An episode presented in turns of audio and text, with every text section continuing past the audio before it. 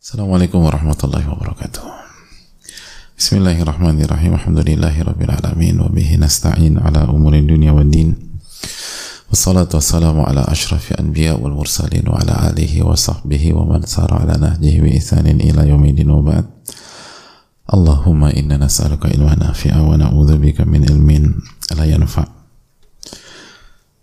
Hadirin Allah muliakan alhamdulillah kita panjatkan puji dan syukur kita kepada Allah Subhanahu wa taala atas nikmat yang Allah berikan kepada kita. Sebagaimana salawat dan salam semoga senantiasa tercurahkan kepada junjungan kita Nabi kita Muhammadin alaihi salatu wassalam beserta para keluarga, para sahabat dan orang-orang yang istiqomah berjalan di bawah naungan sunnah beliau sampai hari kiamat kelak. Hadirin Allah muliakan.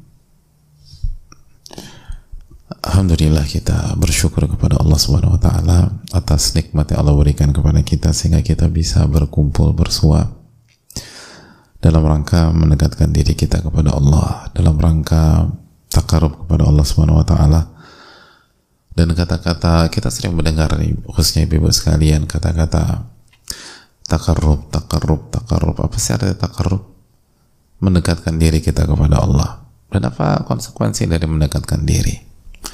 Namanya mendekatkan diri itu kalau bulan lalu kita dengan sebuah sebuah gedung atau sebuah rumah itu jaraknya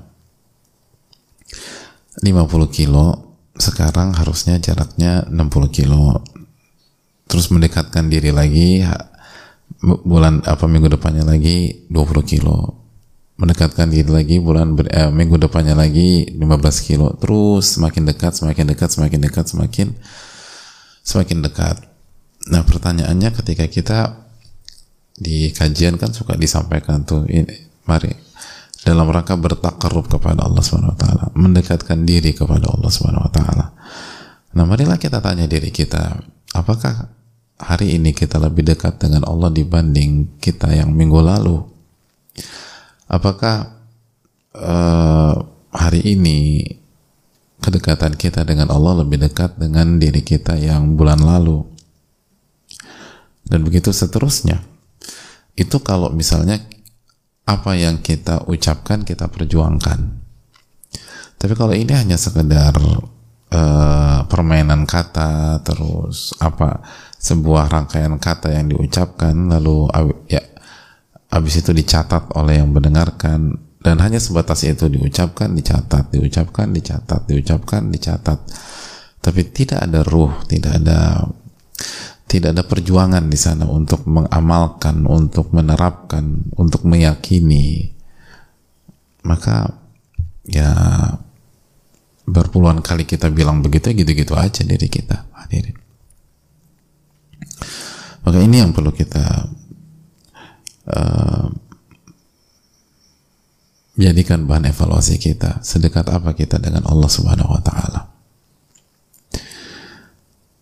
Dan seberapa besar perjuangan kita dalam bertakarub mendekatkan diri kita kepada Allah Subhanahu wa taala. Dan apakah kedekatan kita lebih dekat daripada sebelum-sebelumnya ini PR besar khususnya kita ibu-ibu sekalian dalam dalam mencerna dalam mengapa meresapi dalam menanamkan dalam diri. Karena tentu saja bicara tuh mudah.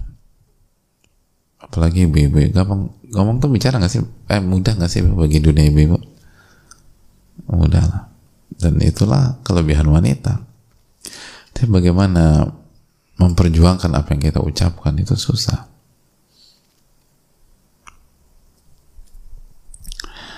Dan semoga Allah memberikan taufik kepada kita. Semoga ada banyak kita jamaah dan ibu sekalian khawatir kalau apa yang kita ucapkan itu didus, diduskak, didustakan oleh orang lain dibantah kalau bahasa simpel dibantah oleh orang lain di, didustakan oleh orang lain benar nggak sih? Kita punya kekhawatiran itu nggak? Kalau kita bicara sama suami terus dibalikan sama suami. Dan apa yang kita sampaikan didustakan gitu. Nggak nggak seperti yang kamu bicarakan. Atau bukan seperti yang kamu omongkan tadi. Nggak nggak. Tunggu tunggu tunggu tunggu. Kejadiannya nggak sesuai dengan apa yang kamu sampaikan tadi. Enak kasih nih gitu sama suami? Enak ya? Oh, beda berarti siapa yang suka digitukan hadirin? Namun poinnya adalah sering kali kita itu santai saja. Pada saat ucapan kita didustakan oleh perbuatan kita. Ucapan kita didustakan bukan oleh suami kita, bukan oleh teman, bukan oleh murid kalau kita guru, bukan oleh guru kalau kita murid. Tapi yang mendustakan ucapan kita itu perbuatan kita sendiri. Apa maksudnya? Ya perbuatan kita tuh beda dengan ucapan kita. Sehingga apa yang kita ucapkan seakan-akan kebohongan. Karena tidak sesuai dengan fakta.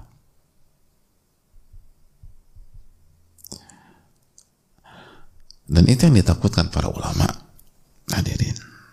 Itu yang dikhawatirkan oleh orang-orang soleh terdahulu dan sekarang.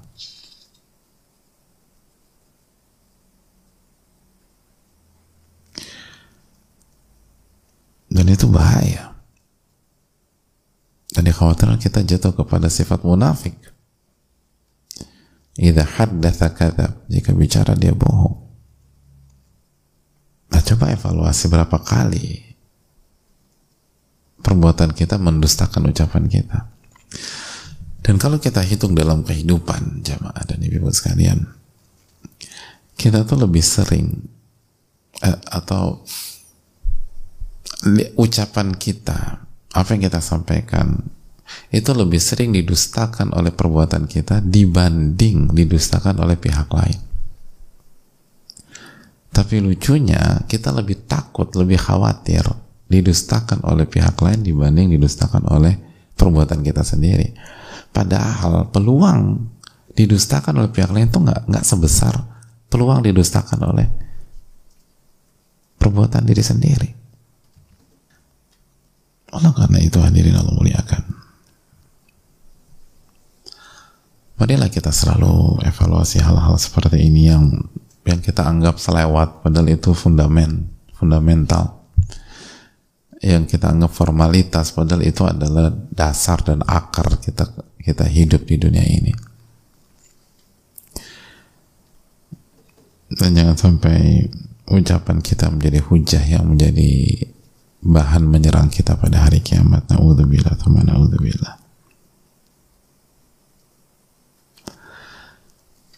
Hadirin Allah muliakan. Sebagaimana salawat beriring salam semoga senantiasa tercurahkan kepada Rasulullah alaihi salatu wassalam beserta para keluarga, para sahabat dan orang-orang istiqomah berjalan di bandungan sunnah beliau sampai hari kiamat kelak. Uh, pertemuan yang lalu kita menjelaskan tentang perintah yang kelima yang Allah perintahkan ke Nabi Yahya alaihissalam yaitu tentang berzikir kepada Allah. Dan kita sudah jelaskan bahwa zikir adalah benteng yang kokoh. Benteng untuk menahan serangan-serangan syaitan. Benteng untuk menjaga diri kita dari godaan-godaan syaitan. Yang artinya kalau benteng kita tidak kokoh apalagi nggak ada maka syaitan langsung menyerang kita tanpa ada sistem pertahanan dari diri kita. Dan itu mematikan hadirin. Itu menakutkan. Karena syaitan sudah ber, berikrar akan menyerang kita. Min baini aidihim wa min khalfihim wa an aimanihim wa an syama'ilihim syaitan akan nyerang dari depan, dari belakang, dari kanan, dari kiri.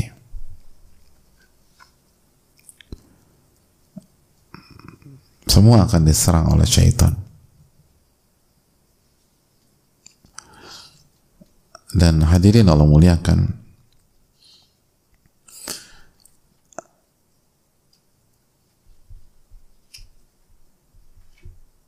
Apa yang terjadi? Wala tajidu syakirin engkau tidak akan mendapatkan mayoritas mereka menjadi hamba yang bersyukur. Dan itu PR besar dunia wanita. Karena yang menyebabkan mayoritas penghuni neraka adalah wanita adalah yakfurna. Yakfurna al-ashir wa yakfurna al-ihsan. Kufur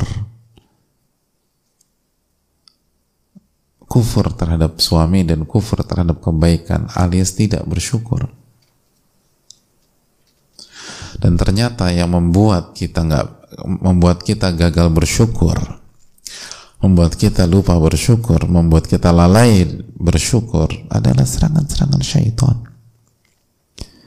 Itu yang Allah firmankan dalam surat Al-A'raf ayat 17 thumma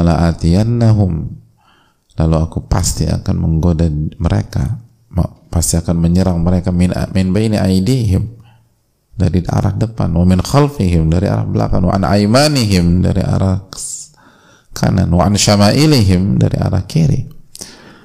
Wala tajidu aktsarahum syakirin. Dan engkau tidak akan mendapatkan mayoritas mereka. Bersyukur.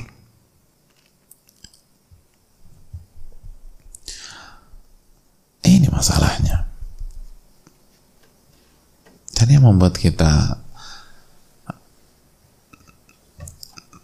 kurang bersyukur khususnya sekali lagi kita ketekankan bahaya laten ini kepada dunia ibu-ibu. Karena itu sabda Nabi SAW mewanti-wanti wanita. Gampang kufur nikmat wanita. Gampang gampang melupakan kebaikan orang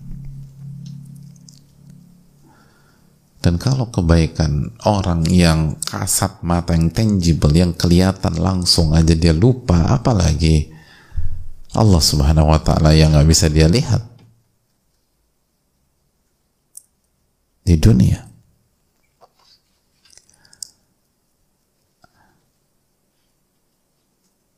Jadi hadirin Allah muliakan. Sadarlah tentang hal ini baru ketika kita katakan ketika kita sadar tentang ini maka yang harus kita lakukan bangun benteng. Ibu-ibu harus bangun benteng. Dan benteng itulah yang bernama berzikir makanya Allah berfirman dalam surat Az-Zukhruf ayat 36 wa man ya'shu an dzikri rahman. Barang siapa yang lalai dalam berzikir kepada Allah Subhanahu wa taala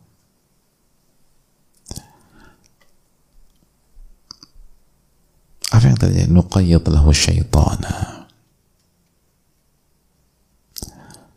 Kami akan biarkan dia dikuasai oleh syaitan diserang oleh syaitan. Fahuwa lahu qarin. Dan syaitan menjadi teman baiknya.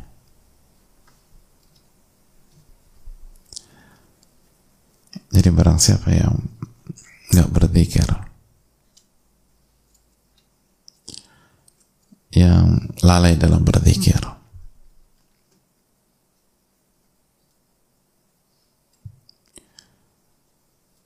Nggak dekat sama Al-Quran.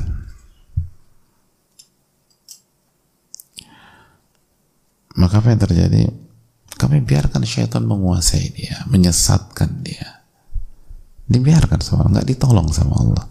Itu diserang dari jadi ketika diserang dari depan, dari belakang, dari kanan, dari kiri, kena semua itu serangan. On target semua udah. Oh, nggak ada benteng, nggak ada tameng. Ya otomatis babak belur. Waman ya'shu an dzikri rahman nuqayyid lahu syaitana. Fahuwa lahu qarin.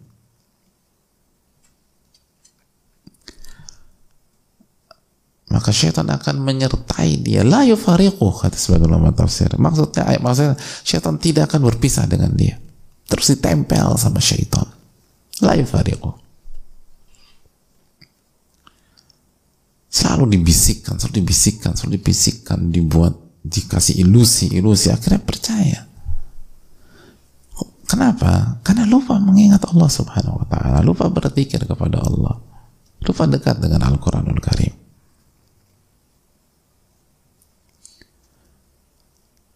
nuqayyad lahu syaitana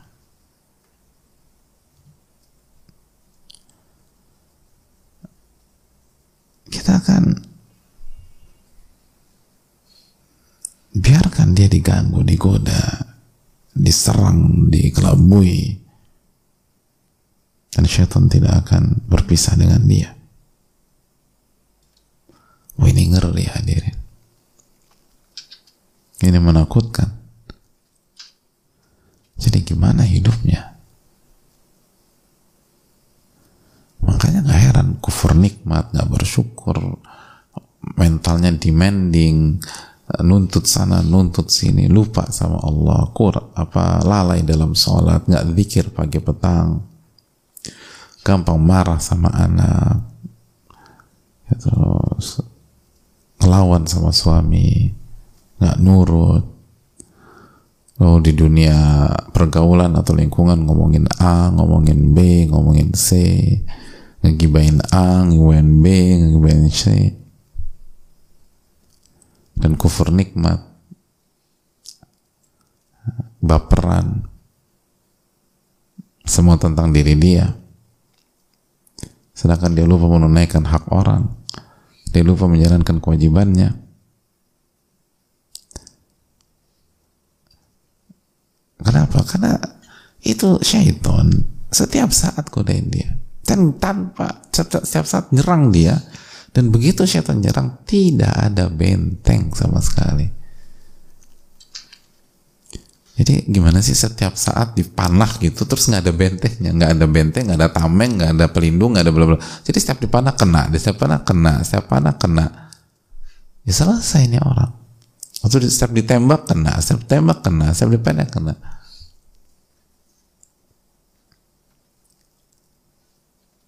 Akhirnya kan jatuh juga. Nggak usah pakai apa namanya uh, peluru beneran nih, kayak main pinball segala macam. Tapi ditembak terus kena lagi, kena lagi, kena. Ica. Akhirnya kan jatuh juga. Nah ini yang harus kita renungkan lah ibu dan jamaah sekalian dan sejauh mana kita yakini itu ini bukan bukan sebuah maklumat atau data yang sulit untuk dipahami. Namun ini sulit diamalkan. Kalau bukan karena taufik dari Allah Subhanahu wa taala. Apa sulitnya memahami zikir pagi penting eh, pagi sore itu penting? Ada susah-susahnya sama sekali. Beda kalau kalau misalnya kajian hari ini saya ngajarin jamaah dan ibu-ibu sekalian bab munasakhat dalam ilmu waris. Insya Allah yang lulus sedikit aja.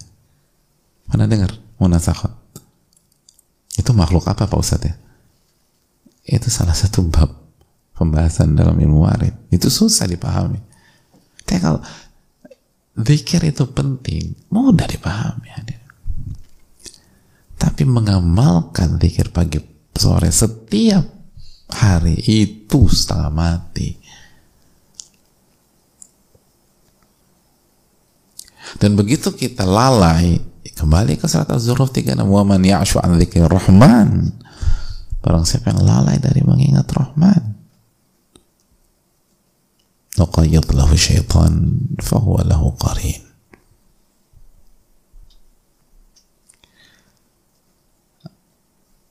Itu yang Makanya kan hadirin Allah muliakan.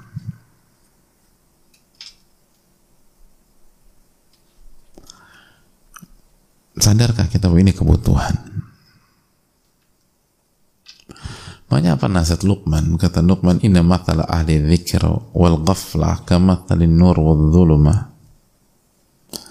Perumpamaan orang yang suka berzikir dengan orang yang lalai berzikir itu seperti cahaya dan kegelapan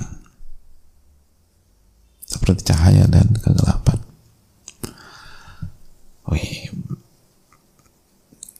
Itu analogi dari Luqman rahimahullah. Kalau Nabi kita SAW langsung to langsung strict forward Nabi SAW seperti hidup dan mati gitu. Seperti orang hidup dan orang meninggal. Jadi anda mau kaya kayak apa pun mau cantik seperti apa pun mau terkenal seperti apa pun kalau mati selesai semuanya jamaah. Nggak ada artinya itu semua harta tuh bisa dinikmati ketika hidup. Berarti orang yang kayanya minta ampun tapi nggak berpikir nggak bisa menikmati hartanya. Memang kalau kita dari luar ngeliat enak banget ya dia tuh. Gitu. ke mana-mana naik mobil premium dan sebagainya. Tapi kan anda nggak tahu berapa stok tisu yang dihabiskan di dalam mobil tersebut. Masuk mobil nangis gitu. Kalau nggak pernah tanya drivernya aja tuh iya ibu kalau masuk mobil nangis terus nangis terus punya masalah sama suami lah sama anak lah segala macam tapi kan orang tuh ngeliat dari luar.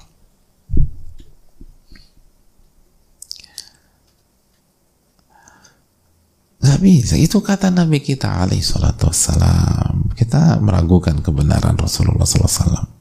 Gak yakin kita kalau Nabi SAW mengatakan demikian. Kata Nabi kayak orang hidup sama orang mati udah. Gitu. Anda bisa mengambil keuntungan dengan kecantikan fisik dan wajah Anda itu kan ketika Anda hidup. Kalau Anda mati nggak ada gunanya juga.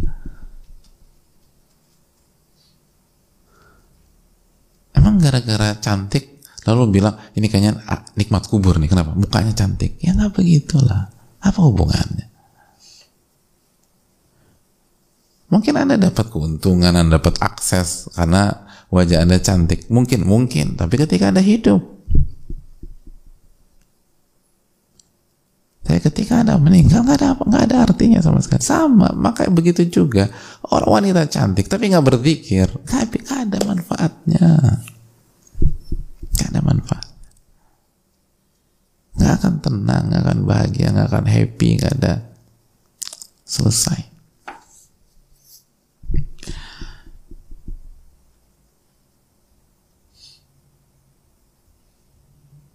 Itu yang perlu kita temukan.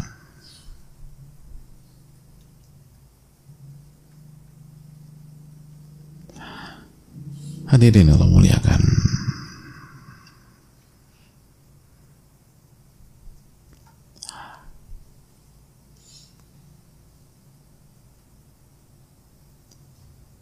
Makanya kan uh, ulama mengatakan orang yang nggak berzikir itu kata para ulama mayit sebelum waktunya. Mayit sebelum ajalnya. Ajalnya masih belum belum belum ketemu tapi udah jadi mayit orangnya kan karena kehidupan. Karena kebahagiaan. Bahkan sering kali jenazah banyak jenazah lebih terhormat daripada dia. Maka hadirin Allah muliakan bangunlah benteng yang kokoh karena kalau benteng ini nggak dibangun maka syaitan yang akan menyerang dan syaitan nyerang dari depan, dari belakang, dari kanan, dari kiri. Dan begitu kita nggak berzikir, Allah biarkan serangan-serangan itu menyerang kita secara membabi buta. Nuqayyad lahu syaitana falahu fahuwa lahu qarin. Allah biarkan, Allah tinggalkan kita sehingga kita itu hidupnya sama syaitan, sama syaitan, sama syaitan, sama syaitan. Makanya kan dan banyak orang merasakan demikian.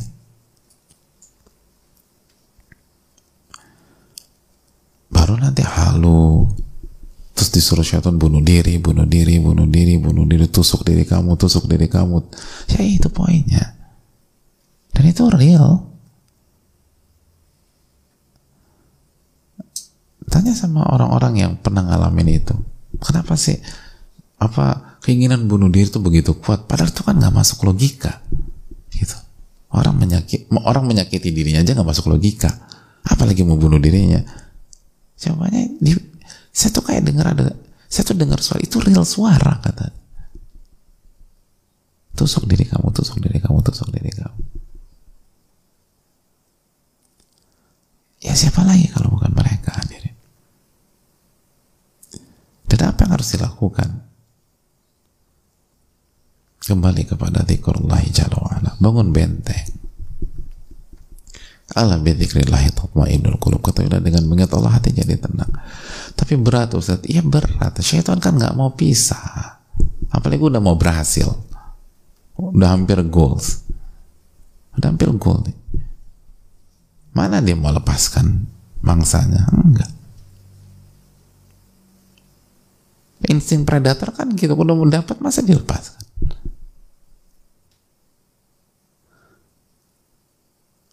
tapi kita harus yakin kepada Rabbul Alamin. Allah bersama orang-orang yang bertobat. Allah bersama orang-orang yang banyak beristighfar dan Allah akan menolong kalau kita jujur ingin berobat dan ingin kembali kepada Rabbul Alamin. Tapi pertanyaan berapa jujurnya kita? Wallahu ta'ala bisawab. Kita buka sesi tanya jawab. Semoga Allah memberikan taufik kepada kita.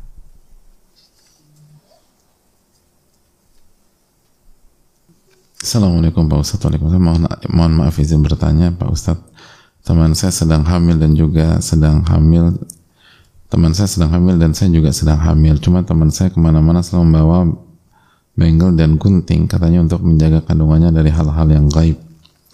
Pertanyaan apakah boleh pakai benda-benda yang dianggap menangkal hal yang gaib Pak Ustadz namun saya tidak membenarkan hal itu. Cukup Allah untuk memberi meminta perlindungan untuk saya dan kehamilan saya. Terima kasih Pak Ustadz hadirin Allah muliakan menjaga kandungan dari segala segala hal yang bisa merusak dan uh, memudaratkan diri kita dan anak kita adalah sebuah hal yang terpuji dan hal yang sangat diapresiasi. Jadi terus jaga motif ini. Lalu yang kedua motif ini hendaknya digun di di apa di diwujudkan dengan cara yang diberkahi oleh Allah Subhanahu wa taala, yang diridhoi oleh Allah Subhanahu wa taala dan diajarkan oleh Allah Subhanahu wa taala dan seba, sebagaimana hadis yang kita pelajari bahwa kalau ingin melindungi maka lindungilah dengan zikir. Jangan justru kita lakukan hal-hal yang bisa mencederai iman kita dan bisa merusak atau hal-hal yang ada unsur kesyirikan.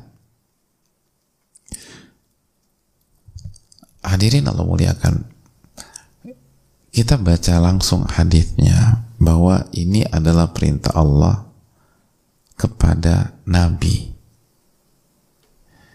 Lalu Nabi Yahya, lalu perintah Allah kepada Nabi ini disampaikan oleh Rasulullah Sallallahu Alaihi Wasallam.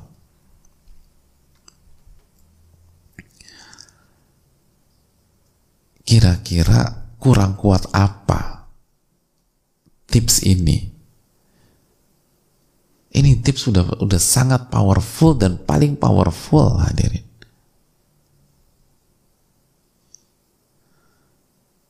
Ini dua nabi alaihi wassalam. Nabi Nabi Muhammad SAW lalu Nabi Yahya.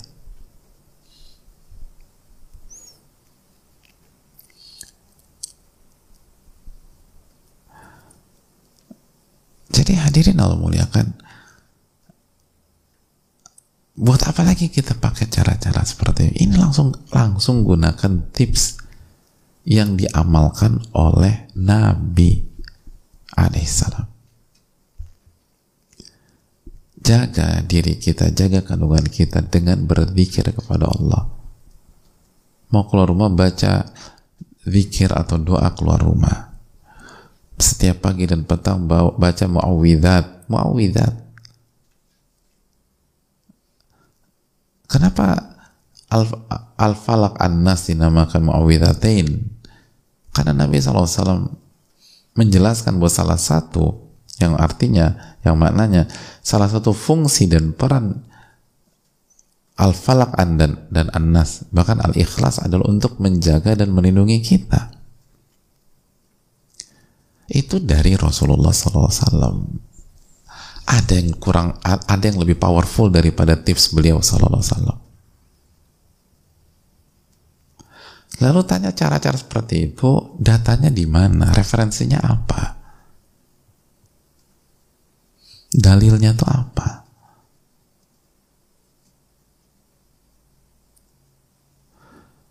Kalau dari kalau dalam bidang yang lain kita lebih percaya para pakar di bidang tersebut kalau bagaimana jika Rasulullah SAW yang menyatakan itu?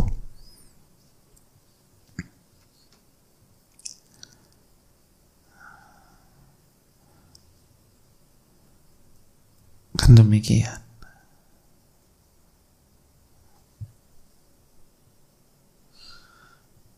Jadi hadirin Allah muliakan sehebat apa pun kepakaran kepakaran ahli kimia misalnya ibu-ibu jahit baju dibeli atau enggak gitu aja Hah? enggak kan kenapa karena dia nggak punya kapasitas bicara tentang masalah jahitan kita akan pergi ke ahlinya. Lalu bagaimana dengan hal ini? Ini Rasulullah SAW mengatakan. Ini adalah tipsnya atau resepnya Allah kepada Nabi Yahya. Lalu Nabi SAW menyampaikan kepada kita. Jangan jangan cari hal yang lain, jamaah. Allah Ta'ala bisa.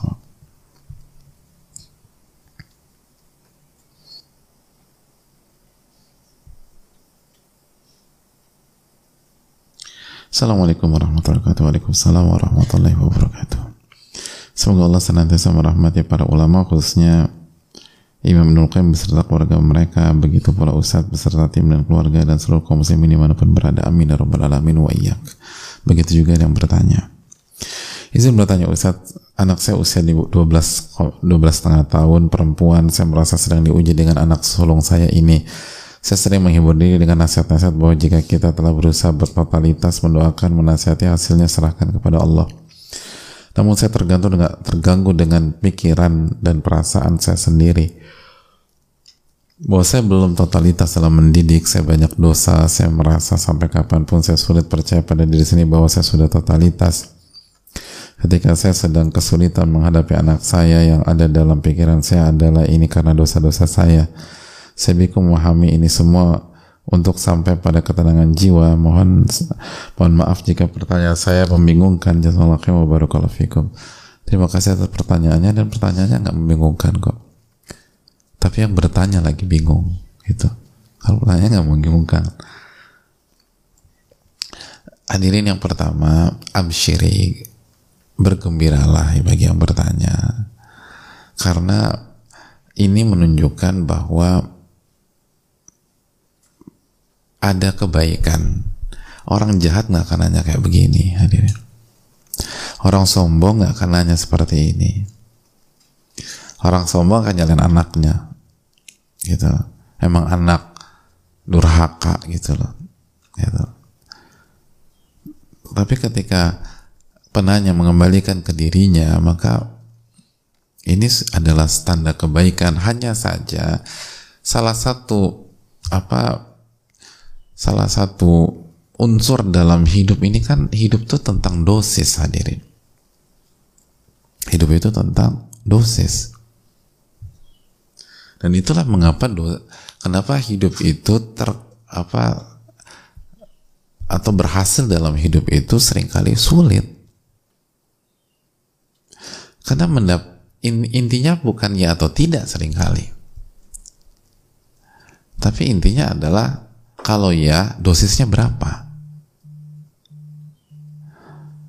Kalau terlalu lebih, overdosis, kalau kurang, gak efektif. Kan itu mas, sering kali mas. Makanya ingat nggak dikatakan Ibnu Qayyim bahwa pintu masuk syaitan itu cuma dua, hanya dua. Yang pertama, ifrat, berlebih-lebihan. Yang kedua, tafrid, kurang dosis. Itu aja.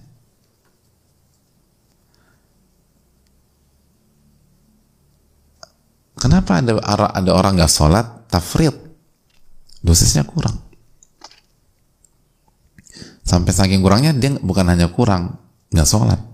Ada yang sholat cuman uh, tiga tiga kali sehari. Gitu loh. Subuh bablas nanti zuhur sholat di kantor atau di kampus asar uh, ya kalau pulang kalau kadang-kadang nggak sholat karena ngejar jangan sampai kena traffic jam. Maghrib masih di jalan nggak mau dibela-belain. Nanti isya ada sholat lagi. Berarti kan tafrid itu kurang. Tapi ada orang yang ifrat berlebih-lebihan.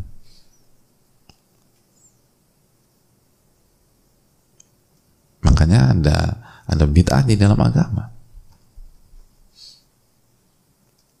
dan itu diakui oleh seluruh ulama. Jadi hadirin Allah muliakan ini masalah dosis. Nah sama uh, kembali kepada surat Ash-Shura ayat 30 wa ma'asabakum min musibatin bima kasabat apa pun yang menimpa kalian itu uh, di, itu pasti karena karena ada andil dari perbuatan-perbuatan kalian. Wa ya'fu an kathir. Dan Allah mengampuni kesalahan kalian yang sangat banyak.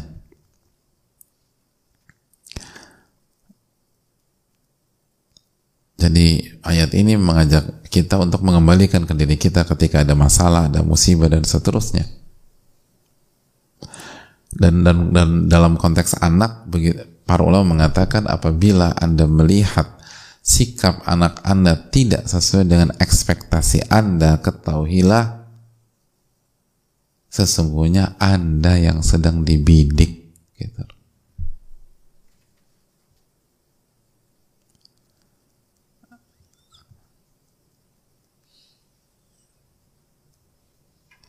Ketahuilah yang lagi dihukum sama Allah itu Anda. Yang lagi ditegur itu Anda yang lagi diperingatkan itu Anda. Tapi kita kan nggak ke sana. Secara umum. Makanya kan itu yang di apa yang di yang menjadi prinsip para ulama-ulama kita.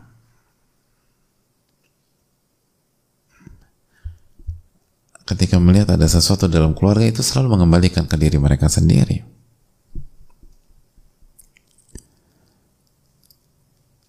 Nah, apabila kita sudah sadar tentang hal ini, maka itu hal positif. Tinggal yang harus kita atur adalah dosisnya.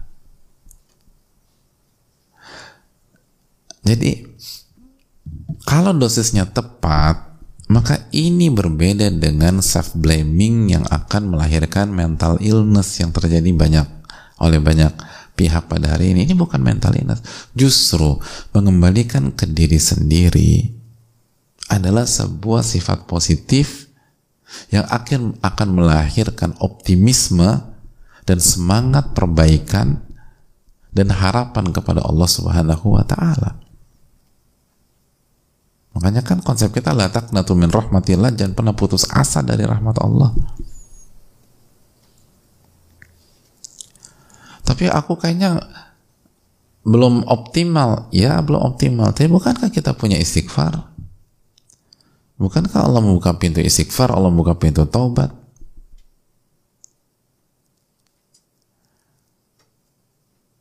Bukankah Allah menolong orang-orang beriman?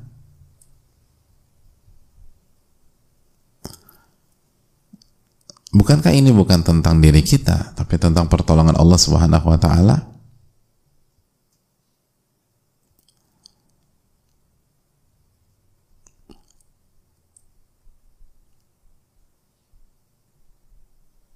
Kalau kita mengerjakan semua perfect karena pribadi kita terus di mana sisi pertolongan? Allah berfirman dalam surat As-Saffat ayat 31 fahaqqa alaina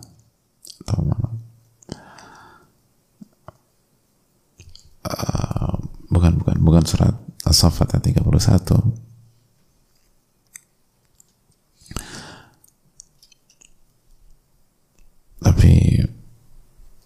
firman Allah Subhanahu wa taala. Dalam surat Ar-Rum ayat 47 wa kana haqqan alaina nasrul mu'minin.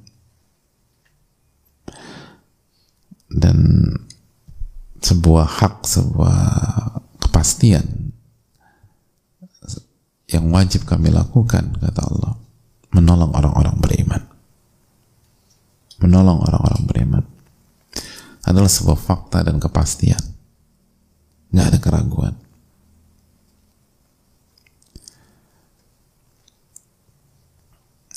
ya, orang yang ditolong itu berarti orang yang sempurna, perfect atau pi atau pihak yang sempurna atau perfect atau pihak yang lemah hadirin? Hah? Lemah. Jadi ini bukan ini justru justru ketika kita kembalikan ke diri kita.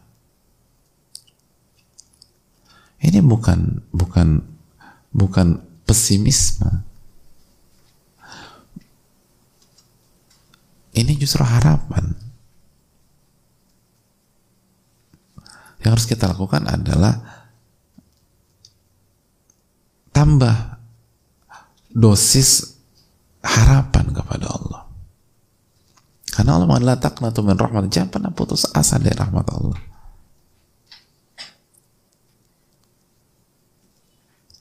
Tambah porsi harapan. Ana inna dhanni abdi bi. Aku ini tergantung prasangka hambaku terhadap diriku. Dalam riwayat in khairan fa khairun wa in syarran fa syarr. Kalau dugaannya persepsinya baik, maka kejadian akan baik. Tapi kalau suudzon sama Allah, kejadiannya akan buruk. Kalau begitu, apa alasan kita buruk sangka? Dengan satu-satunya opsi hanyalah baik sangka dengan terus berjuang dengan semaksimal kita. Lalu kita baca ayat terakhir Al-Baqarah, Rabbana la tu'akhidna inna sina aw akhtana. Ya Allah jangan kau hukum kami karena kesalahan yang aku kami buat karena kami nggak tahu atau kami lupa, lalai. Dan dan kita tahu dalam hadis uh, riwayat yang sahih Allah merespon qad fa'altu oke okay, saya kabulkan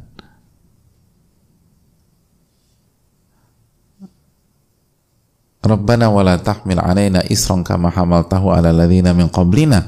Ya Allah janganlah engkau bebankan aku dengan ujian yang sangat berat. Walaupun aku sanggup melakukannya, tapi sa isron tuh kita sanggup, tapi berat banget gitu loh. Sanggup, kalau dipaksain sanggup, tapi terlalu berat. Itu sangat berat. Sebagaimana engkau uji umat-umat sebelumku. Lalu Allah merespon lagi, Qad fa'altu, aku kabulkan doa ini. Lalu kita tutup dengan, sebelum kita minta ampun ya, Rabbana wala, wala tuhammilna ma la taqata lana Ya Allah, janganlah engkau menghukumku atau maaf, janganlah engkau memberikanku ujian yang di atas kemampuanku. Jadi dalam konteks ujian kita minta dua. Jangan dikasih ujian yang kita nggak mampu. Dan Allah bilang qad fa'altu. Aku kabulkan dan bukan berarti dan jangan engkau kasih ujian yang sangat berat walaupun aku bisa melakukannya. Tapi mungkin aku lakukan dengan tertatih-tatih dengan hancur-hancuran. Jangan kasih. Allah juga katakan, Qad fa'altu, aku kabulkan. Jadi apa alasan kita pesimis? Apa alasan kita gak punya harapan kepada Allah? Apa alasan kita minder? Kecuali lagi-lagi, ini poin kita hari ini. Benteng kita kurang kuat sehingga syaitan masuk sehingga syaitan membangun sebuah ilusi sehingga kita menjadi paranoid. Karena Allah berfirman tentang syaitan ya'idukumul faqra. Asyaitan ya'idukumul faqra. Syaitan itu yang menjanjikan kemiskinan kefakiran kepada anda. Dia yang buat kita tuh pesimis hadirin Allah ta'ala bisa jadi yang harus dilakukan oleh ibu ini perkuat benteng kita yang bernama zikir itu perkuat. Hal yang kedua banyak istighfar dan taubat. Siapa yang siapa yang sempurna sekarang? Yang ketiga, perbaiki kesalahan kita yang lalu. Yang keempat, pendekatan pribadi harus baik dengan anak, apalagi anak perempuan. Kita kan perempuan, ibu-ibu. Ya saya nggak ikutan, ibu-ibu aja yang perempuan. Maksudnya ibu-ibu kan perempuan. Masa ibu-ibu nggak ngerti bagaimana perempuan? Apa kata Nabi tentang perempuan? Kalau kalian paksakan, patah. Kalau kalian diamkan, ya tak lurus-lurus. Jadi kalau punya anak perempuan, jangan dipaksa terus, jangan didisiplin ke apa di dipaksa di, diharuskan main di level tinggi terus. Ya patah lah anak perempuan kita. Om kita aja patah. Padahal kita udah ngaji. Jangan.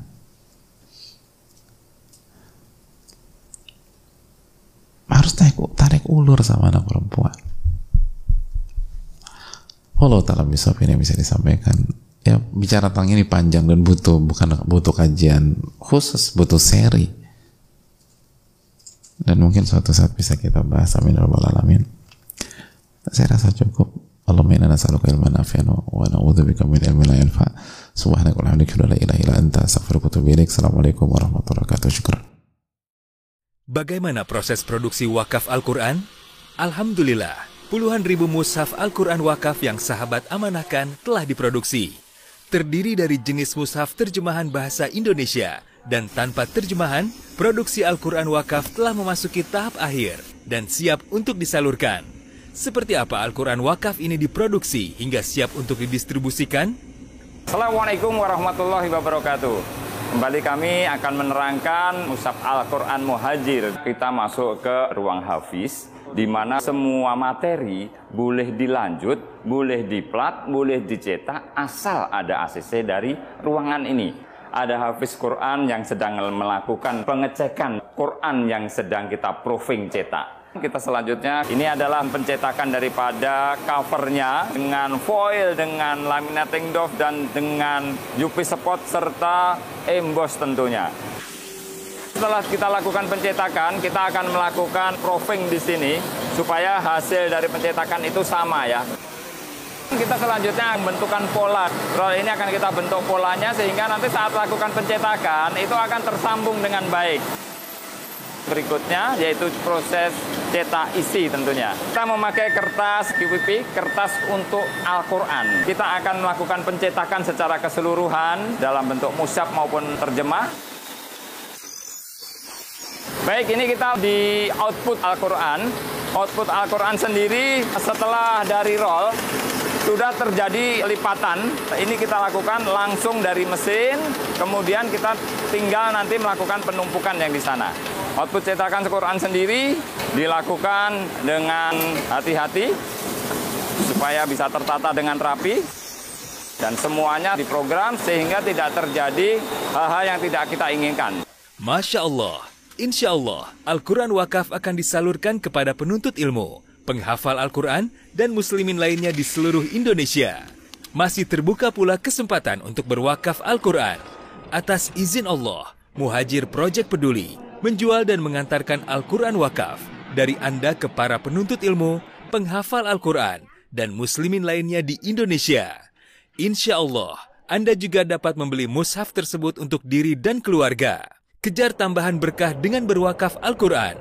Salurkan wakaf kita melalui rekening CIMB Niaga Syariah 8600 1381 5600 atas nama Muhajir Peduli Indonesia.